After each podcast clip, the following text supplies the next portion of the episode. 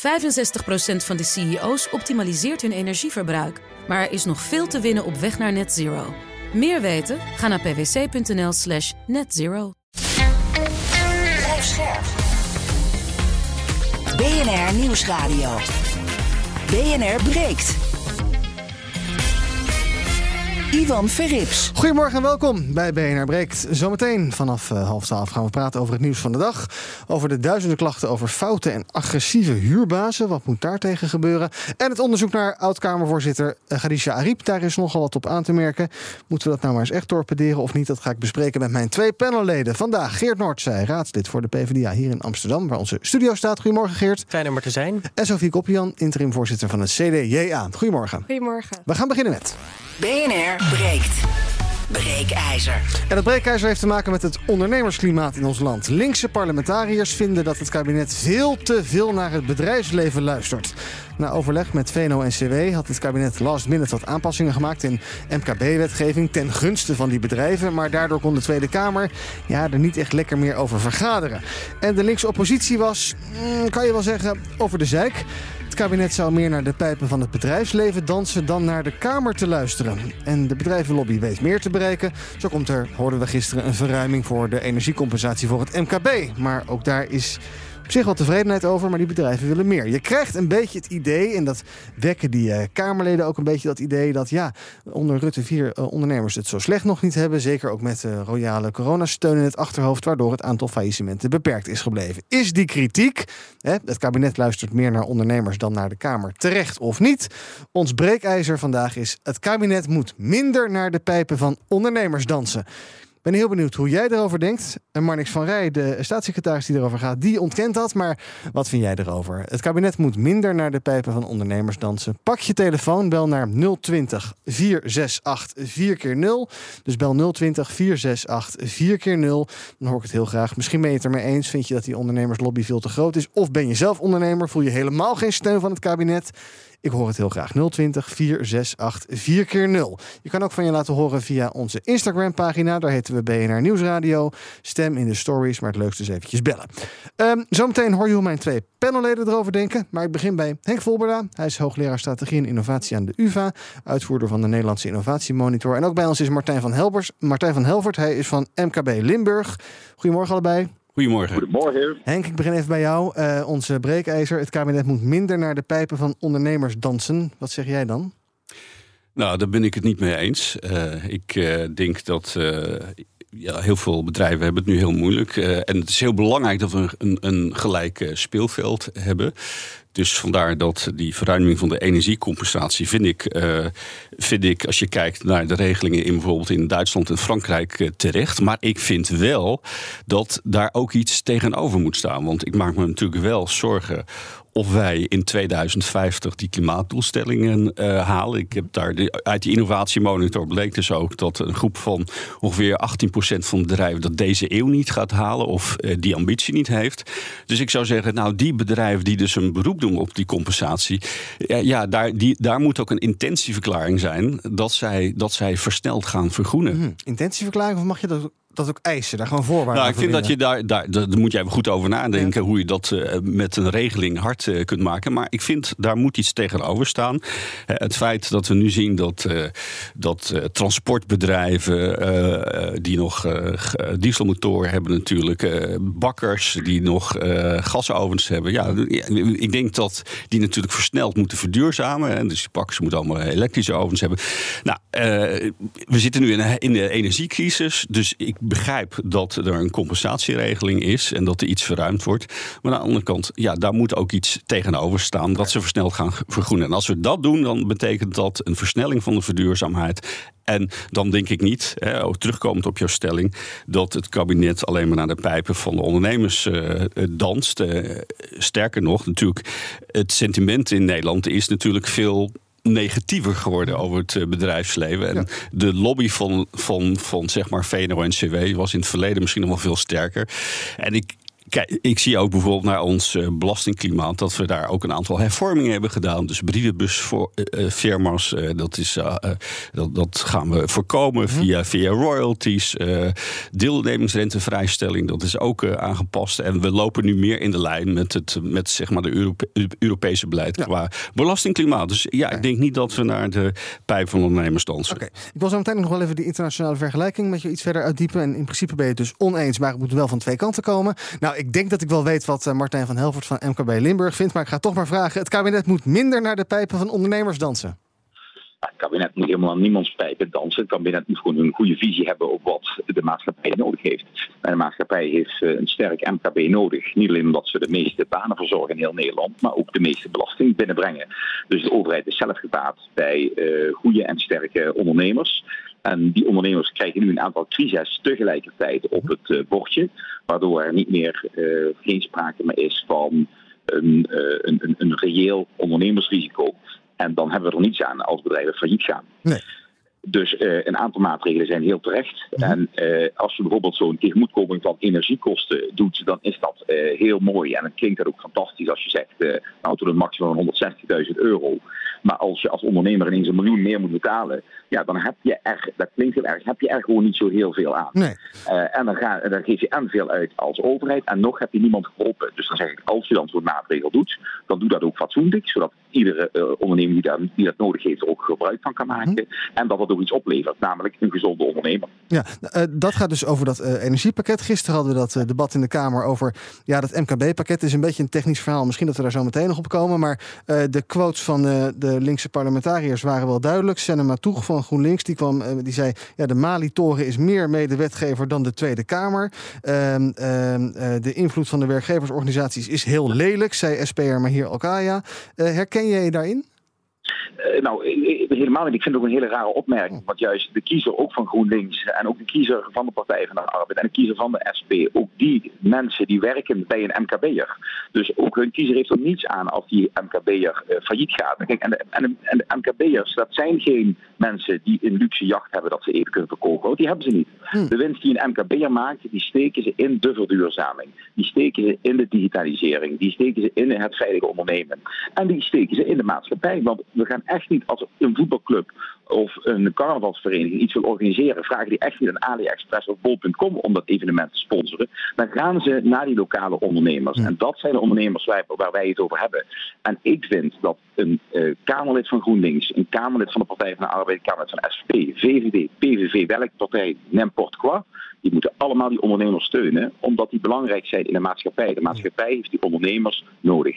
Oké, blijf bij ons. Um, we gaan een rondje in het panel doen. Kijken hoe mijn panelleden erover denken. Sophie, ik begin maar eens bij jou. Het kabinet moet minder naar de pijpen van ondernemers dansen. Ja, ik was het eigenlijk wel deels eens met de mhm. stelling. Omdat ik om de manier waarop. Omdat dit buiten de Kamer om is gegaan. Ja, dat gaat over dat van gisteravond. Ja, ja, precies. Ja, en daar ben ik het niet helemaal mee eens dat je via uh, die Mali-toren dit even last minute kan fixen. Dat vind ik gewoon niet de manier. En het gaat om hele grote bedragen, 367 miljoen. Dat kan ook naar energietoeslag voor studenten gaan. En uh, nou ja, we hebben tijd genomen voor de begrotingsonderhandelingen. Uh, daar had dit ook uh, ter sprake kunnen komen. En ik vind gewoon niet dat het op deze manier uh, via de lobby gefixt moet worden, maar dat dit gewoon in de Kamer besproken moet worden. Ja, en als je het niet op tijd kan regelen, dan moet je het niet doen. Ja, dus. nee, Precies. Ja, want op zich dat, dat, dat die clubs lobbyen is natuurlijk wel logisch. Ja, volgens, volgens mij is dit, noemen we dat het Nederlandse poldermodel. Ja. Maar dat uh, werkgevers en werknemers en overheid toch uh, snel tot, uh, tot compromissen en akkoorden kunnen komen. Iets, misschien wel iets sneller dan in de, in de, in de Tweede Kamer. Maar, ja, maar, volgens maar als, je, als, je, de Kamer erbij buitenspel zet? Nee, natuurlijk. De Kamer moet natuurlijk altijd het, het, eindwoord hebben. Dat is een democratie. Maar ik denk dat het wel goed is om vooroverleg met sociale partners te hebben. Want ja, anders landt het gewoon niet in de polder. Geert? Ja, maar het hele probleem is, en dat is ook die uitspraken van de Kamerleden gaan daar ook over, dat de Kamer echt weggezet is van het proces. Dat mhm. die niet meer zelf met ideeën konden komen. Dat die alleen maar konden zeggen ja of nee, maar niet wij willen dit toevoegen. En dat er dus allemaal plannen zijn gemaakt. Samen met uh, bijvoorbeeld uh, met, met dus de lobbyorganisaties, dat daarmee plannen zijn gemaakt, dat die vervolgens naar de Kamer zijn gestuurd, zonder dat de Kamer daar zelf nog met ideeën mee kon komen of met aanpassingen mee kon komen. En dat ze alleen voor of tegen stemmen. En op die manier zet je die Kamer buiten spel. En dat is geloof ik heel zorgelijk, omdat je wetten maakt samen met de Kamer. Die maak je met de regering en de Kamer maak je maar die de Kamer samen. kan hier toch altijd eh, alsnog eh, van zeggen wat ze, wat ze wil. En eh, volgens mij zijn de Kamerleden ook heel goed verankerd met, met de lobbypartijen. dus eh, ja, het is uiteindelijk ook aan de Kamer. Ja, Eh, Nee, maar is, hier was het dus niet aan de Kamer, omdat de Kamer niet zelf kon zeggen: wij willen het wijzigen of wij willen dit. Omdat ze zo boos zijn geworden, die verschillende linkse Kamerleden, kan het nu weer gewijzigd worden en kan ze naar Matoeg vandaag met een wijzigingsvoorstel komen. Dat was eerst niet wat de bedoeling was, omdat het zo kort dag was, omdat eerst Goed, dan met die lobbypartijen. Ja, als Kamer gaat het Ja, over je maar eigen dat- Maar agenda. dat kan het Ja, dus maar- wel, maar dat, dat bedoel ik. En, en dat is het punt. Kijk, Kamerleden moeten zorgen dat een regering om hen heen kan. En dat hebben ze nu ook gedaan. Hè. Dat is een heel gezond proces. Het is altijd ook het recht van een kabinet om voorstellen te doen. Het is de taak van de Kamer om te controleren. Als de Kamer het te ver gaat, zeggen we vinden het te ver gaan. Maar dat is volgens mij een heel gezond proces. En dat mag ook. En natuurlijk mogen ondernemers hun belang neerleggen, werknemers mogen hun belang neerleggen. En de Tweede Kamer mag natuurlijk altijd via een budgetrecht, via eh, het wet van initiatief, via amendementen, moties, interpellatiedebatten, kunnen die altijd een kabinet eh, kort wieken, eh, keren, zeggen wat niet mag. Dus eh, ik denk dat de Kamer daar gewoon wat, wat zelfbewuster in Dus- Maar dit was, toch totaal, dit was toch totaal geen gezond proces? Omdat er werd gezegd tegen de Kamer door de regering: dit ligt voor jullie klaar. Hier kunnen jullie ja of nee over stemmen. En hier kunnen jullie niet meer iets aan wijzigen. De Kamer moest zo boos worden. eh, die uitspraken moesten gedaan worden. Dat is toch niet onderdeel van een gezond proces? Dat je eerst zulke uitspraken moet doen voordat je zelf mee kan denken aan een voorstel. Vind je het een beetje aanstellers, eh, eh, Martijn? Die Kamerleden? Ik vind dat de Kamer gewoon zelf bewust moet zijn. Als een kabinet eh ruik zegt, jullie mogen hier niks meer aan veranderen, dan kan de Kamer altijd zeggen, dat is niet waar, dat kunnen we wel. Dat doen ze nu. Dus, volgens mij, dus volgens mij moeten we ook niet zozeer over dat proces, het proces hebben kijken, wat heeft de maatschappij nodig? De maatschappij heeft geen ruzie tussen Kamer en kabinet nodig. De maatschappij heeft nodig dat ondernemers sterk kunnen zijn als het goede ondernemers zijn. En er zijn op dit moment een heel aantal goede ondernemers, vaak familiebedrijven, die al decennia lang, soms meer dan 100 jaar, nog nooit in financiële problemen zijn gekomen en dat nu ineens wel zijn. En die moeten met spoed hulp krijgen, met spoed. Nou, en daarvoor liggen er voorstellen. En daarvan kunnen wij eh, als ondernemers zeggen, volgens mij kunnen die hier en daar nog iets verbeteren, omdat dat ook beter zou zijn voor de staatskas. En een, een beter eh, effect zou hebben. Daar moet het over gaan. En niet over de ruzie tussen stel politici, want die is er altijd. En dat mag ook in een democratisch proces. Nee, maar dat ben ik Meneer- helemaal ik, met ik, je. ik wil even naar meneer of mevrouw Bulent. Goedemorgen.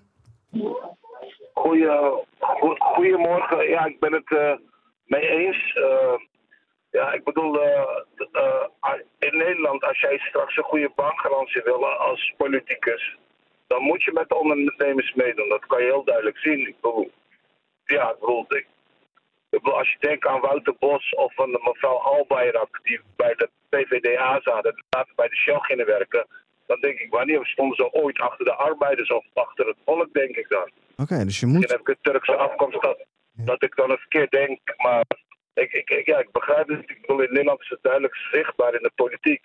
Als jij later een leuke baan wil hebben, dan moet je gewoon met de ondernemers, met de grote bedrijven meedoen. Anders, ja, anders ja, moet je straks ook kassen vullen of eh, vakken vullen of wat dan ook. ga ik zo even bespreken. Dank voor het bellen.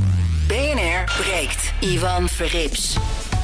Met vandaag in mijn panel Geert Noordzee, raadslid voor de PvdA in Amsterdam. Sophie Koppenjan, interim voorzitter van het CDJA. Ook bij me zijn Henk Volberda, hoogleraar strategie en innovatie aan de UvA. En Martijn van Helvert van MKB Limburg. En we praten over ons breekijzer. Het kabinet moet minder naar de pijpen van ondernemers dansen. Wil je reageren? Pak je telefoon, bel 020 468 4 keer 0 Dus 020 468 4 keer 0 En je kan ook van je laten horen via Instagram. Daar heten we eh, BNR Nieuwsradio. En dan kan je eh, op de stelling reageren.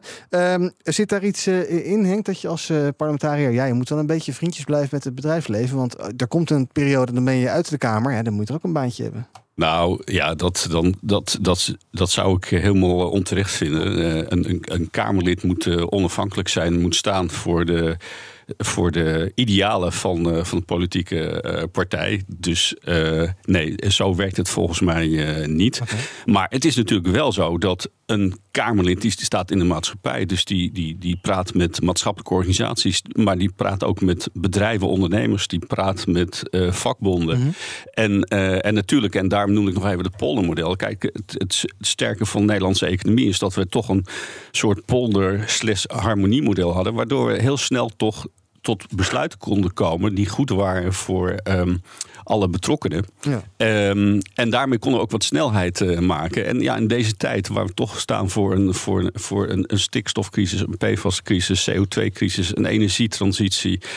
Eh, ja, dan, dan is het wel belangrijk dat dat mechanisme eh, werkt. En Ja. dat, dat er ook goed overleg is eh, tussen de verschillende partijen, de sociale partners. En grote betrokkenheid van de partners. Ja. Maar wel vanuit een hele onafhankelijke positie natuurlijk. Oké, nou we hebben hier zo'n ex-Kamerlid, is Martijn van Helvert, want die zat in de Kamer voor het CDA. Heb je ooit het idee gehad dat je vriendjes moet zijn met het bedrijfsleven om nu voorzitter te kunnen zijn, nota bene van MKB Limburg? Nee, dat is gewoon omgekeerd. Je moet midden in de, in de, in de maatschappij zijn. Dan spreek je met alle partijen. Ik weet als Kamerlid, ik had elke week een spreekuur. eh, en ik ontving heel veel eh, mensen, privépersonen in de Kamer, bedrijven in de Kamer, NGO's in de Kamer, stichtingen en verenigingen. En zo moet het ook zijn. Wat ik wel als Kamerlid al altijd zag, is dat het wel heel belangrijk is dat je een gezond MKB hebt. Want MKB'ers geven niet alleen de meeste banen, maar MKB'ers betalen ook de meeste belastinggeld. Dus brengen het meeste in voor de hele maatschappij. En op het moment dat er eh, een aantal crises zich tegelijkertijd voordoen die bo- boven het normale ondernemersrisico uitsteken, dan moet de overheid daar wel eh, daar krachtige maatregelen in nemen om te zorgen dat gezonde bedrijven eh, niet, over de, oh ja, niet, niet, niet, eh, niet omkomen in deze crisis. Omdat een, een failliet bedrijf vele malen schadelijker is voor de maatschappij dan eh, wanneer je ergens heel iets helpt. En dan heb je het wel over gezonde bedrijven. Kijk, dat er altijd bedrijven failliet gaan, dat hebben we altijd. Je hebt ook slechte bedrijven, nou daar heb ik het niet over. Ik heb het over de gezonde MKB'ers die al decennia lang goed functioneren, maar nu even hulp nodig hebben, omdat het ook beter is voor de maatschappij. En dat heeft er niks mee te maken. Je moet gewoon zorgen dat je naar iedereen luistert, dat je iedereen ja kunt zeggen wat goed is en nee als je het niet goed vindt. Ja, Sofie, daar wil ik het met jou ook over bespreken. Die energieregeling voor MKB'ers, die is gisteren uitgebreid. D- daar was eerst een eis dat je 12,5% van de omzet moest uitgeven aan energie minimaal. Dan pas zou je in aanmerking komen voor die tech-regeling. Dat is verlaagd naar 7%.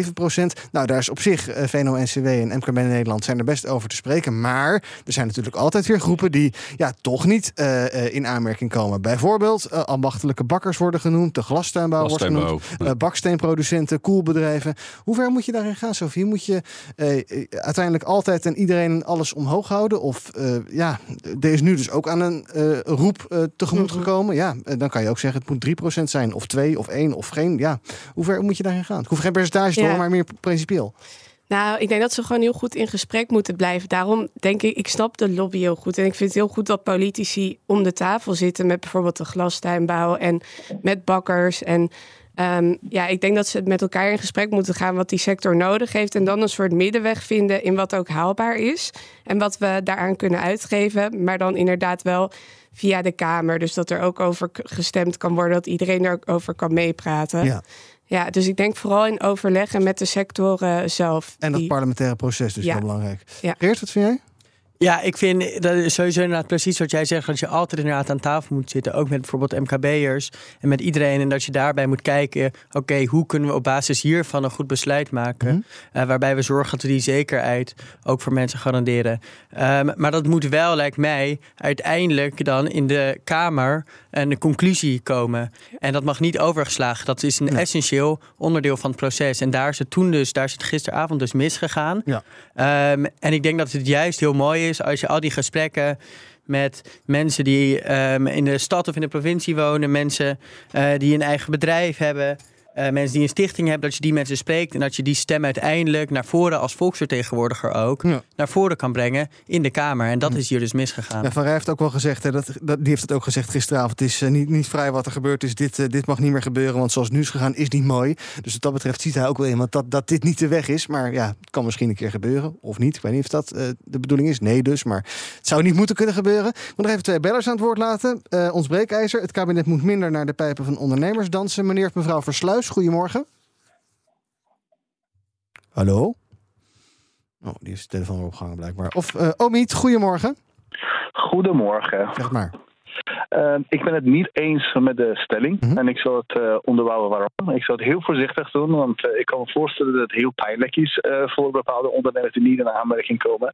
Maar er, er bestaat iets als eh, ondernemersrisico. Ja. Als MKB'er ben je heel hardwerkende Nederlander, dat begrijp ik volledig. Maar je valt van de ene crisis naar de andere. En je gaat maar iedereen hulpen. Eh, uiteindelijk is het onze belastingcenten. Wat, uh, dus eigenlijk is het een koekje van eigen, uh, eigen deeg. En daarmee ga je dus wel de MKB'ers en allerlei ondernemers hoofd boven het water houden. En ja, ik vraag me af hoe, hoe ver je daarin wil gaan. Want er zijn altijd mensen die buiten het boot vallen en die vinden het weer niet fijn. En ja, die gaan we dan ook wel compenseren. Ja. Enzovoort. Dus dat is de reden waarom ik er niet mee eens ben. Nee. Ondernemersrisico is van alle tijden. En dat is helaas iets waar uh, iedereen mee te maken heeft. Ja. En moet je dan nu bedrijven helemaal niet steunen? Of moet je daar heel terughoudend mee zijn? Want ja, als je onder MKB'ers laat vallen, dan gaan er ook allerlei uh, banen uh, verloren. Mensen die weer thuis komen te zitten, die komen in uitkeringen terecht. Ja, is dat nou zo wenselijk?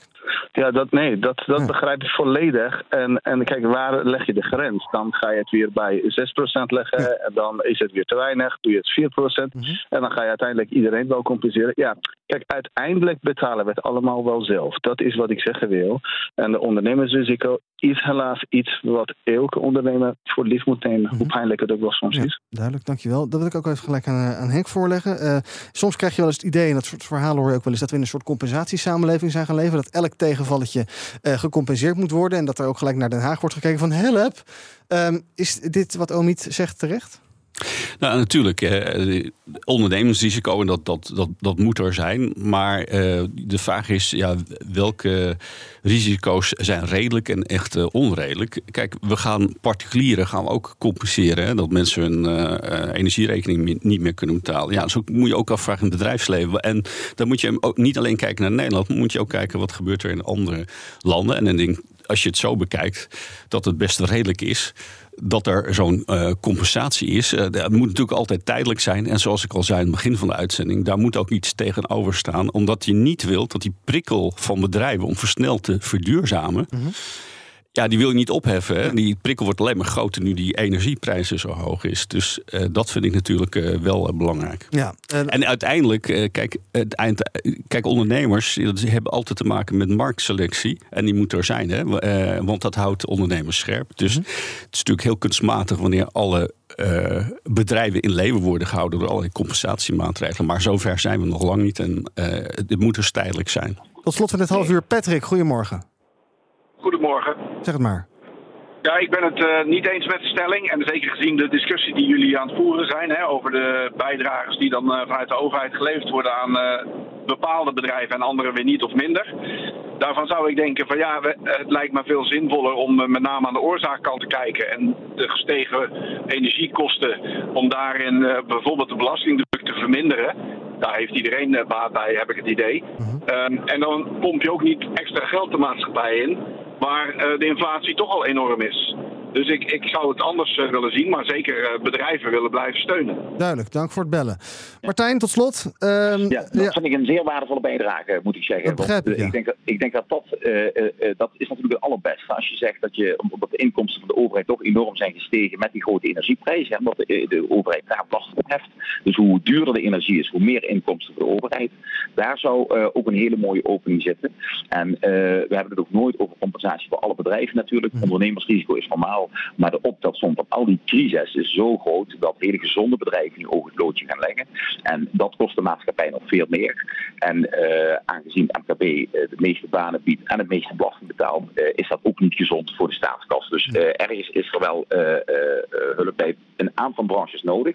En voor de rest moeten we ook eerlijk zeggen dat heel veel MKB'ers het gewoon heel goed doen, omdat ze gewoon hele sterke innovatieve ondernemers hebben in Nederland. En als je wat, wat er tegenover moet staan, dat snap ik heel goed, ja, de verduurzaming. Maar ik moet echt ik ben met een aantal bakkers op weg naar, naar Den Haag op dit moment. Ik zit in de trein. Ja. Er zijn bakkers, die zitten ook hier bij me. Die zeggen nou, ik wil eigenlijk al twee jaar lang ben ik bezig met een nieuwe aansluiting om de elektrische oven te krijgen. Maar omdat er geen ruimte is op het net, mag ik niet elektrisch. Dus het, je kunt zeggen, je moet verduurzamen, maar het moet wel ook kunnen. En daar kan de bakker toch echt niets aan doen. Martijn van Helvert, uh, zijn er zakken krentenbollen mee? Ik denk het wel, hè dan? Ja, nonnenvotten zeggen we in Limburg. Gewoon een stukje vlaai. Heel goed. MKB Limburg, Martijn van Helvert, dankjewel. Heel kort, Henk nog. Uh, als we even internationaal kijken, die bedrijven zeggen ook van Brussel mag er veel meer als het om steun gaat. Uh, is dat inderdaad zo en hoe staan wij er dan voor als je het een beetje vergelijkt met Europa? Zijn we conservatief in het steunen van bedrijven of toch wel vooruitstrevend? Nou, in Nederland is best eh, vooruitstrevend in het steunen van bedrijven. Zeker tijdens de coronacrisis. En achteraf gezien moet je zeggen, nou, dat heeft. Uh, wij hebben relatief uh, veel minder last gehad van de coronacrisis, economisch gezien, dan vergelijkbare landen. Maar die rekening komt achteraf, want die tientallen miljarden moeten. Die gaat nog ja. komen. Maar goed, ik bedoel, kijk, misschien als je dan kijkt naar het ondernemersklimaat in Nederland, dan, dan hebben we het idee dat dat aan het achteruitkachelen is. En dat dat, dat nou, na het vertrek van Shell en Unilever en recentelijk ook DSM maar je ziet, en dat blijkt uit ons eh, onderzoek, dat, uh, dat ondernemers toch een uh, voldoende geven aan dat ondernemersklimaat. Hm. Een, een 6,9. heel tevreden zijn bijvoorbeeld over infrastructuur. Ehm, nog steeds um, aanwezigheid van talenten, kwaliteit van, van leven. Dus dat scoort allemaal goed. Alleen in aansluiting op, uh, op het voorgaande, ja, wat ze wel roepen, wat ze een issue vinden, is, is de vele regels en procedures. Dus faciliterende uh, wetgeving. Uh, en ook het belastingklimaat. En, en ook een opvallende, vind ik, een maatschappelijke samenhang. Dat die ook is afgenomen. Dus ehm, vestigingsklimaat, ondernemersklimaat in Nederland is nog steeds goed. maar enkele verbeteringen zijn, nou, zijn mogelijk. Ja, en dat is wel graag in samenwerking met de Tweede Kamer. En daar heeft uh, Marnix Zeker, de Tweede Kamer is altijd uiteindelijk aan zit. Daar, daar, is iedereen het mee eens. Dik op zijn vingers gekregen. Dank voor je aanwezigheid vandaag. Henk Volberda, hoogleraar strategie en innovatie aan de UvA. Zometeen ga ik verder praten met mijn panelleden. Niet voordat ik je vertel dat op Instagram 40% het eens is met onze stelling. 60% dus oneens. Het kabinet moet minder naar de pijpen van ondernemers dansen. Daar op Instagram kan je nog de hele dag van je laten horen. En zometeen bespreken we met uh, Sophie uh, en ehm, ook met Geert eh, wat er moet gebeuren om misstanden in de huursector tegen te gaan. En een nieuwe episode in de soap rondom oud-Kamervoorzitter Ariep. Want iemand die het onderzoek bewaakt, heeft zelf ook geklaagd over mevrouw Ariep. Ja, is dat nou zo handig? Nee, niet echt, zeggen deskundigen. Hoor je allemaal zo meteen bij BNR Breekt. BNR Nieuwsradio. BNR Breekt. Ivan Verrips. Welkom terug. In mijn panel vandaag Sophie Koppenjan, interim voorzitter van het CDJA. En Geert Noordzij, raadslid van de PvdA in Amsterdam. Uh, we gaan praten over het nieuws van de dag. Te beginnen bij de krappe huurmarkt. Die niet alleen voor uh, woekerprijzen zorgt en achterstallig onderhoud. Maar ook voor intimidatie en geweld door huurbazen. Bij huurteams komen duizenden klachten per jaar binnen. En op verschillende plekken zijn er ook steeds vaker problemen. Um, bijvoorbeeld bij uh, uh, deze huurder, um, Ian van der Molen. Uh, ja, die was bang eigenlijk dat hij op straat zou belanden als zijn huurcontract afloopt. En luister even naar wat hij erover zegt. Naast het niet oplossen van het achterstallig onderhoud, waardoor we bijvoorbeeld niet konden koken, enorm veel schimmel in de woning was, tocht was in de woning, meerdere dingen niet werkten, waaronder de kachel, begon de verhuurder te intimideren toen wij vroegen waar we recht om hadden. Ja, eh, dat zei hij vanochtend hier op BNR. Uh, het is een beetje een, uh, nou ja, uh, ellendige markt, die huurmarkt momenteel. Want bovendien, als jij er niet wil wonen, wil er iemand anders wel wonen. Ehm, hoe moeten we daarmee omgaan? Ja, Sophie, als je dat leest, duizenden klachten over allerlei foute huurbazen die niks willen aanpassen. Pas, er gebeurt pas iets als je naar de huurcommissie gaat en dan word je mhm. dus geïntimideerd. Ehm, wat zegt dat jou? Ja, ik vond het wel schokkend ook om uh, te lezen dat niet in elke stad zijn die huurteams. Dus de regels zijn er. Maar je moet ook iemand hebben die het zeg maar controleert of die uh, daar ook actie op onderneemt. Mm En ja, ik denk dus dat, dat er moet gewoon in elke stad moet er zo'n huurteam zijn, sowieso. Ja, en ik denk dat dit ook wel gewoon aangeeft dat uh, er stond vandaag ook een artikel in uh, volgens mij de Trouw of, of uh, Volkskrant over die Hugo-regels. Hugo de Jonge wil ook de particuliere um, huursector zeg maar aan mhm. banden leggen.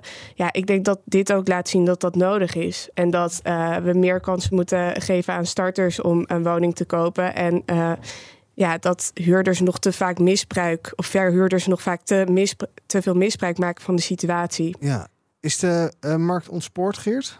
Is dat in Amsterdam ook zo? Ja, en ik denk een excess dat je daar een heel zorgelijk excess dat je daarvan ziet, zijn die tijdelijke huurcontracten, waar je er nu steeds meer van ziet, waar die onzekerheid nog groter wordt voor nog meer mensen. Um, en ik denk dat het echt een stap is dat je ook als overheid gaat kijken: oké, hoe kunnen we zorgen dat we grip gaan krijgen op die woningmarkt? Dat het daar niet meer om winst gaat draaien, mhm. maar dat het erom gaat dat mensen zeker kunnen zijn van een goede woning, een betaalbare woning, ook een woning die gewoon normaal geïsoleerd is.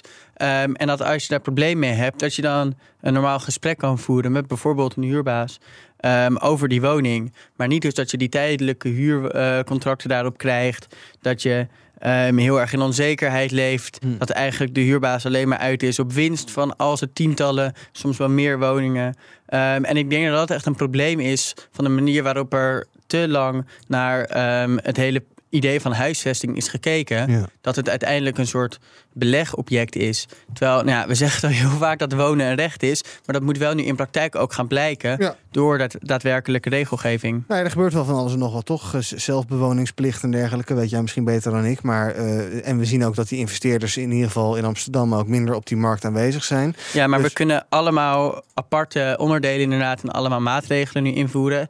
Maar uiteindelijk is het, het om het echte, de kern van het hele probleem op te lossen, Mhm. moeten we ook het hele probleem van het idee van winst op van allemaal woningen, dat dat als kern van het idee is, Ja. dat moeten we gaan aanpakken. En dat moeten we omdraaien, terugdraaien naar wonen is iets gewoon voor mensen, Ja. zodat ze een dak boven hun hoofd hebben en daar zeker van kunnen zijn. dan wil je dus gewoon En van alle dus- particuliere verhuur af. Nee, dat ik, nee, wat ik bedoel is dat je met het idee gaat veranderen. Dus dat je dan bijvoorbeeld echt met een maatregel komt die echt zoveel impact maakt. Dat je bijvoorbeeld de tijdelijke huurcontracten aan banden gaat Mhm. leggen. Dus dat je op dat gebied echt gaat kijken: oké, hoe kunnen we zorgen dat we dat recht dat mensen hebben daadwerkelijk kunnen realiseren. En dat kan bijvoorbeeld door die tijdelijke huurcontracten aan banden Ja, te leggen. nou ligt er een wetsvoorstel. Ik geloof dat de ChristenUnie en de PvdA daarin samenwerken om huurders eh, beter te beschermen tegen misstanden. Bijvoorbeeld eh, extra eisen stellen aan de verhuurder als het gaat om onderhoud van een woning. Eh, inderdaad, maximale huurprijs van gereguleerde huurwoningen.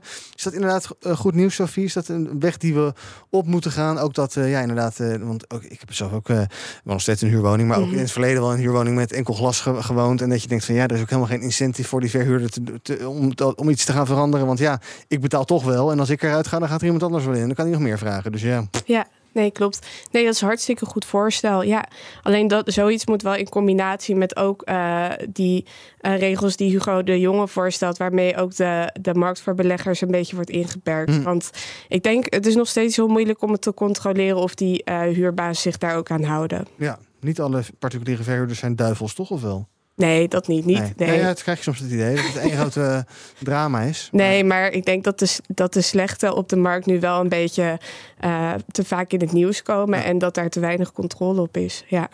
Alright, dan gaan we het hebben over Khadija Ariep. Want het onderzoek naar de voormalig Kamervoorzitter wordt geleid door een topambtenaar. Die zelf heeft geklaagd over dat Ariep voor een onveilige werksfeer zou hebben gezorgd. Eh, twee hoogleraren die maken zich zorgen om de onafhankelijkheid van het onderzoek. Verhaal in de Volkskrant vandaag. Het is al een eh, ja, shitstorm sinds dit, dit verhaal kennen. Want het moest eerst via kranten uitlekken. Op die manier hoorde Ariep ook dat er een onderzoek daar hergaande was. Nou, toen zei de Kamer: stop alsjeblieft met het onderzoek. Ehm, maar het presidium wil daar voorlopig nog niet aan. En nu blijkt dus dat vanuit de Tweede Kamer, het hoofd HR van de Kamer, dat die verantwoordelijk is voor het contact met het bureau dat het onderzoek doet. Terwijl het hoofd HR er zelf ook heeft geklaagd. Dat kan toch Geert? Nee, ja, het is gewoon. Moet toch eens stoppen hiermee. En bovendien, mevrouw Ariep is weg. Dus laten we gewoon met dit onderzoek stoppen. Ja, ja, ik, ik, ja, wat je nu ziet is dat het gewoon een rommel is, een zootje is. En dat is gewoon ja, heel zonde.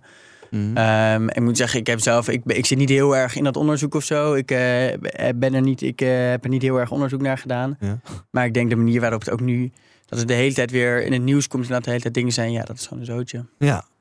Sophie? Zou- Moet je dit onderzoek afkappen en misschien iets gaan doen naar algemeen eh, werksfeer in de Kamer? Want het is ook een soort burn-out fabriek en er, eh, Mhm. er, is, er is ongetwijfeld van alles nog wat aan de hand. Maar eh, ja, deze, de- deze constructie, dit is toch een soort stront die de ventilator maar blijft raken. En opnieuw en opnieuw en dan weer opnieuw. Ja, nee, absoluut. Ik denk dat zo'n algemeen onderzoek sowieso een goed idee zou zijn om eens te onderzoeken hoe Kamerleden er aan toe zijn en hoe hoog die werkdruk is.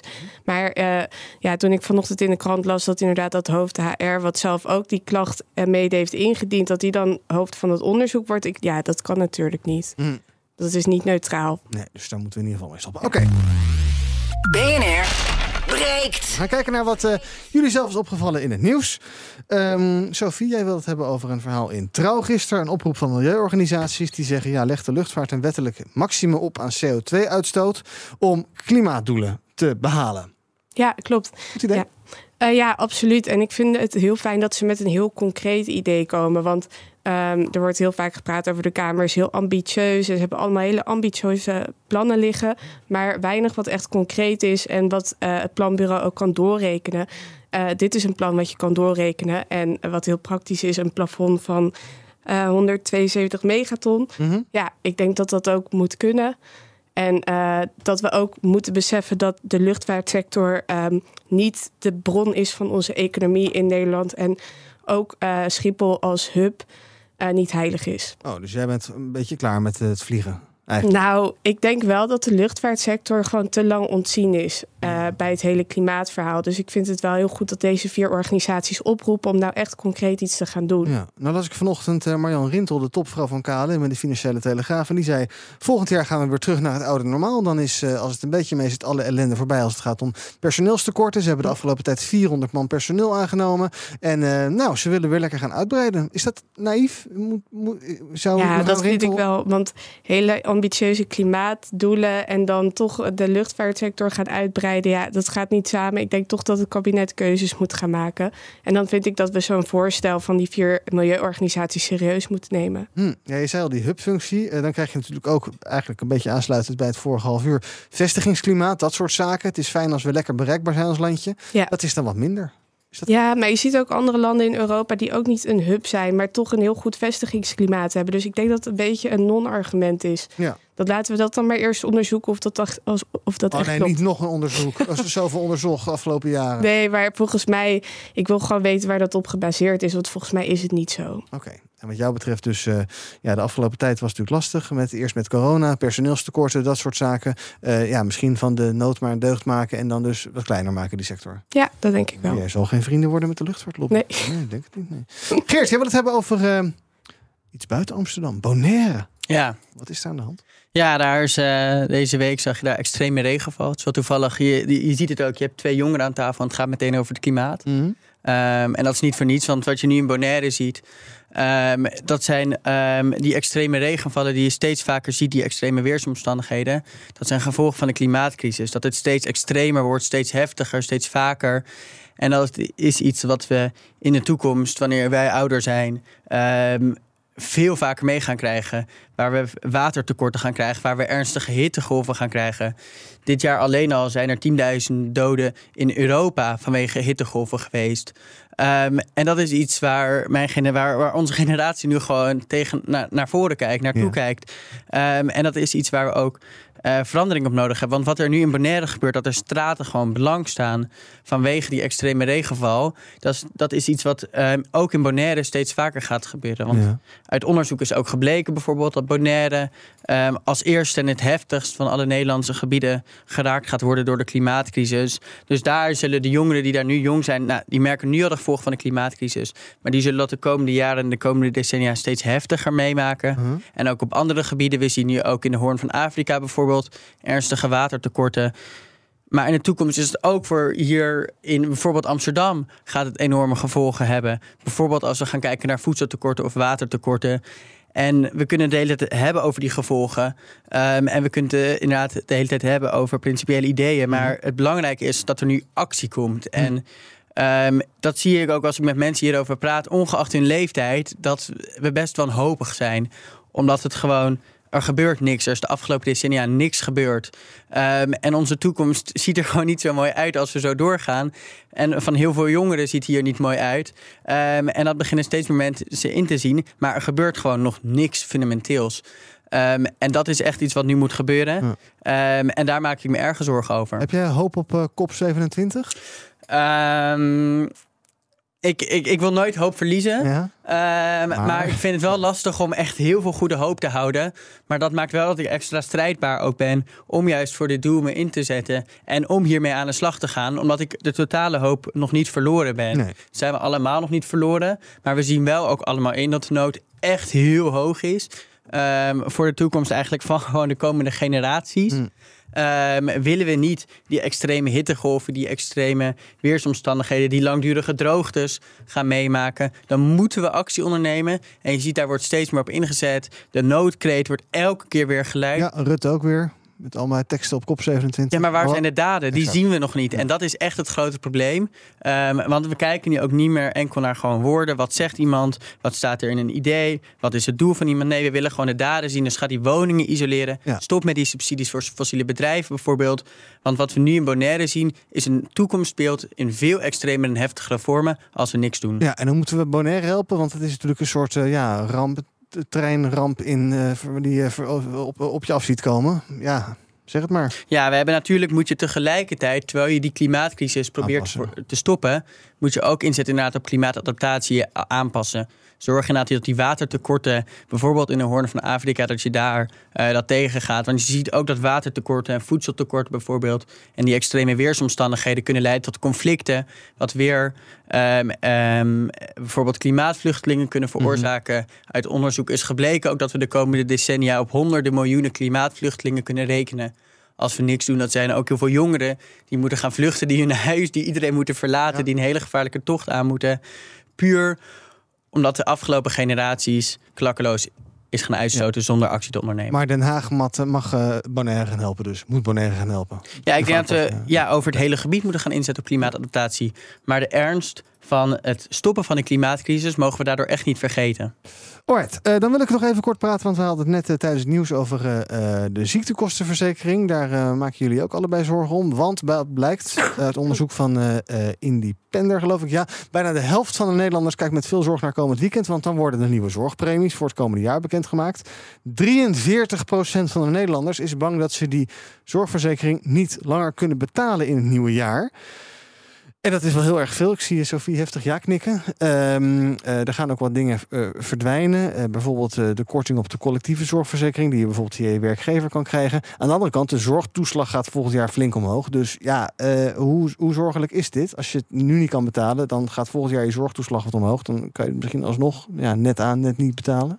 Ja, volgens mij. Of ben je vooral bang voor zorgmeiden, dat soort zaken? Nou ja, volgens mij eh, dekt inderdaad die zorgtoeslag. Die gaat met 16% ongeveer omhoog. Maar het staat volgens mij, het is nog niet vastgelegd of dat ook echt gaat gebeuren. Maar dat zou het dan net wel dekken volgens mij. Mhm. Dus ik denk dat het dan misschien nog meevalt. Maar het belangrijkste is wel natuurlijk dat de mensen die het echt het hardst nodig hebben, dat die wel eh, gewoon hun zorgverzekering kunnen betalen natuurlijk. En ehm, Moet daar ja. meer hulp voor komen?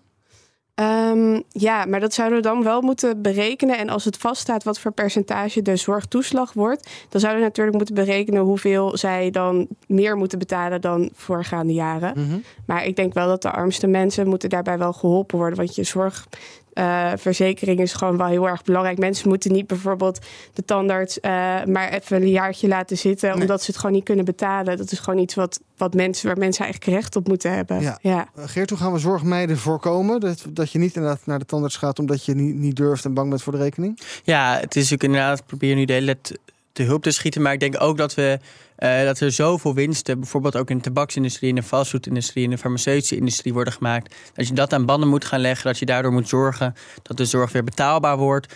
Want het gaat gewoon om toegankelijke zorg. En dat zou er voor iedereen moeten zijn. Het is raar, ook voor de mensen die nu bijvoorbeeld net niet in aanmerking komen voor de zorgtoeslag. Die alles duurder zien worden. Eh, en nu ook nog eens die premies duurder zien worden. Ehm, dus ik maak me daar wel erg zorgen om. En ik denk ook dat het wel een goede stap zou zijn om te kijken: oké, waar zijn die extreme winsten? Waar worden die gemaakt? Bijvoorbeeld in de fastfoodindustrie. En hoe kunnen we zorgen dat we die winsten aan banden gaan leggen? Dat we dat gaan belasten eerlijk. Oh. En dat we daarmee eh, kunnen zorgen dat mensen hun zorgpremies gewoon kunnen betalen. Ehm, en dat mensen niet meer inderdaad zorg gaan mijden. Dat mensen niet meer bang hoeven te zijn en zorg hoeven te maken. Oh, een soort overwinstbelasting aankomen, net als bij energiebedrijven. Ja, ik denk dat je die, zeker die extreme winsten gewoon echt moet gaan belasten. Afkomen. Alright, we gaan even kijken wat er trending is op de socials.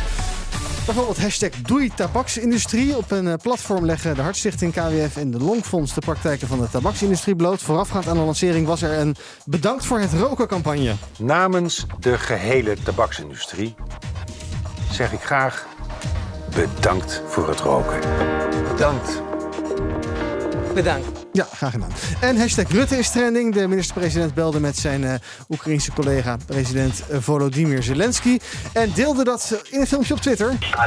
Yes, good to speak to you again, uh, Volodymyr. I hope you're safe. I hope you're doing okay. I'm safe. Thank you so much. God bless us. Ja. beetje ongemakkelijk altijd. Waarom, ik, als ik, ik heb dit fragment nu een paar keer gehoord. Altijd gaan mensen een beetje gniffelen. Komt dat door Rutte's Engels? Of door eh, toch... eh, wa- überhaupt, Volodymyr Zelensky neemt op en zegt hij... Hallo? Alsof hij niet weet wie hij aan de lijn krijgt.